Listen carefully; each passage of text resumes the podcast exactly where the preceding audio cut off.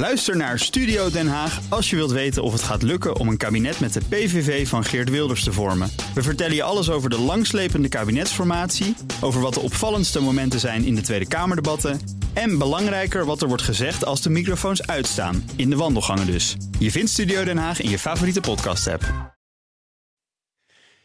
Iedere woensdag bespreken we met Marcel Beerthuizen van sponsoring Adviesbureau Big Plans de ontwikkeling op het terrein van sport en economie. En in de laatste uitzending van dit jaar kijken we terug op het jaar 2018. Aantal onderwerpen dat we al besproken hebben dit jaar. Klopt.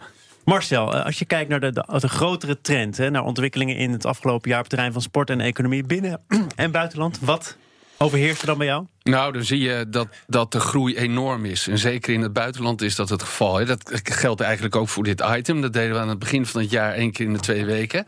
En uh, toen we dat aan het evalueren waren, we zeiden ja, maar er is zoveel nieuws. Laten we het elke week doen. En als je daarop terugkijkt, dan is het eigenlijk geen probleem om een item te kiezen, want er is elke dag wel iets te kiezen. Dus je ziet daar dat die groei enorm is. Het gaat om enorm groot geld. Uh, zeg maar de sport en entertainment en Wall Street schuiven steeds dichter tegen elkaar aan.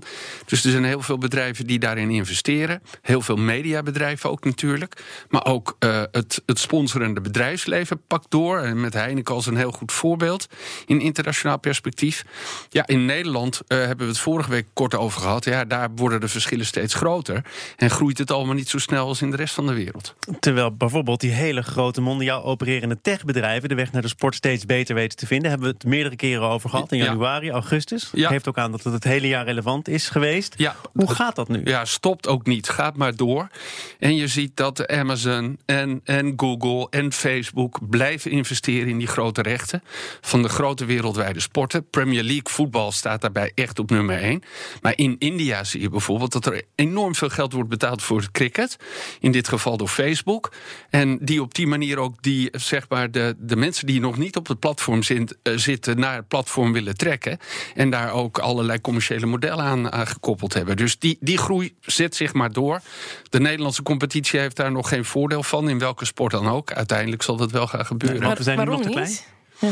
Uh, wat zei je, sorry? Zijn we nog te klein? Ja, we zijn nog te klein. Het, dit is, het gaat heel veel over OTT. Dus dat zijn platformen hè, à la Netflix, maar dan voor sport. Waarbij je op kunt abonneren en dan naar sport kunt kijken. Onze sporten zijn nog te klein en hebben nog te weinig aantrekkingskracht.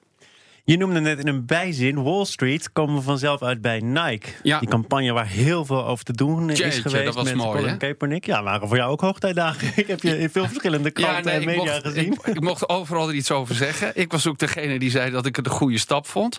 Uh, ik kan komen in het begin was er natuurlijk heel veel kritiek en zag je in de media allerlei schoenen die in brand werden gestoken.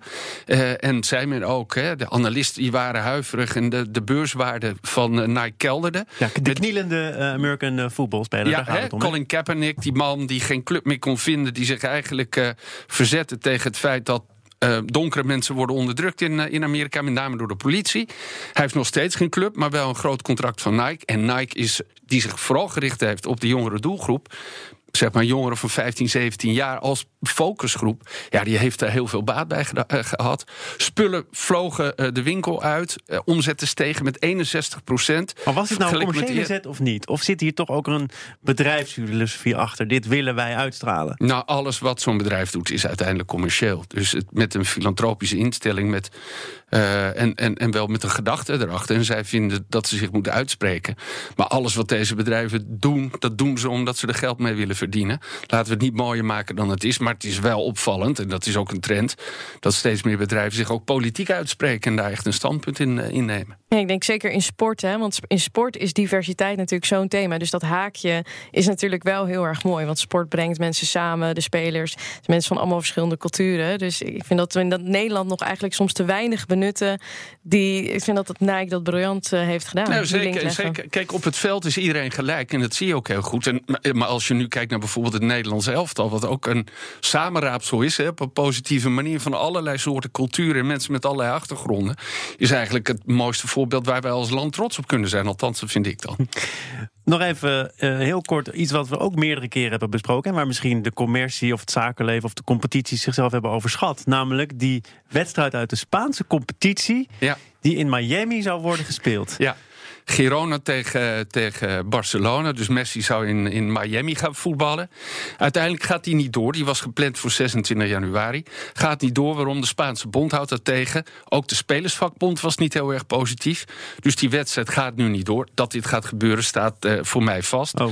Uh, want uh, de club wil het heel graag. De voorzitter van Barcelona wil het heel graag.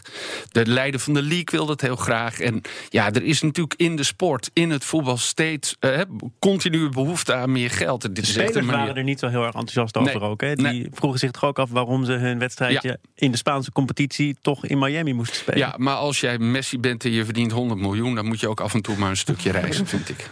Dat vind ik ook. En deze rubriek is heel kenmerkend geweest voor het afgelopen jaar, want het was weer veel te snel en veel te kort. Ja, zo zie je. Nou ja, dan gaan we volgend jaar gewoon door, Tom. Precies. Marcel Beerthuizen, tot volgend jaar. Geniet ja. ervan en we spreken elkaar snel weer. Zeker.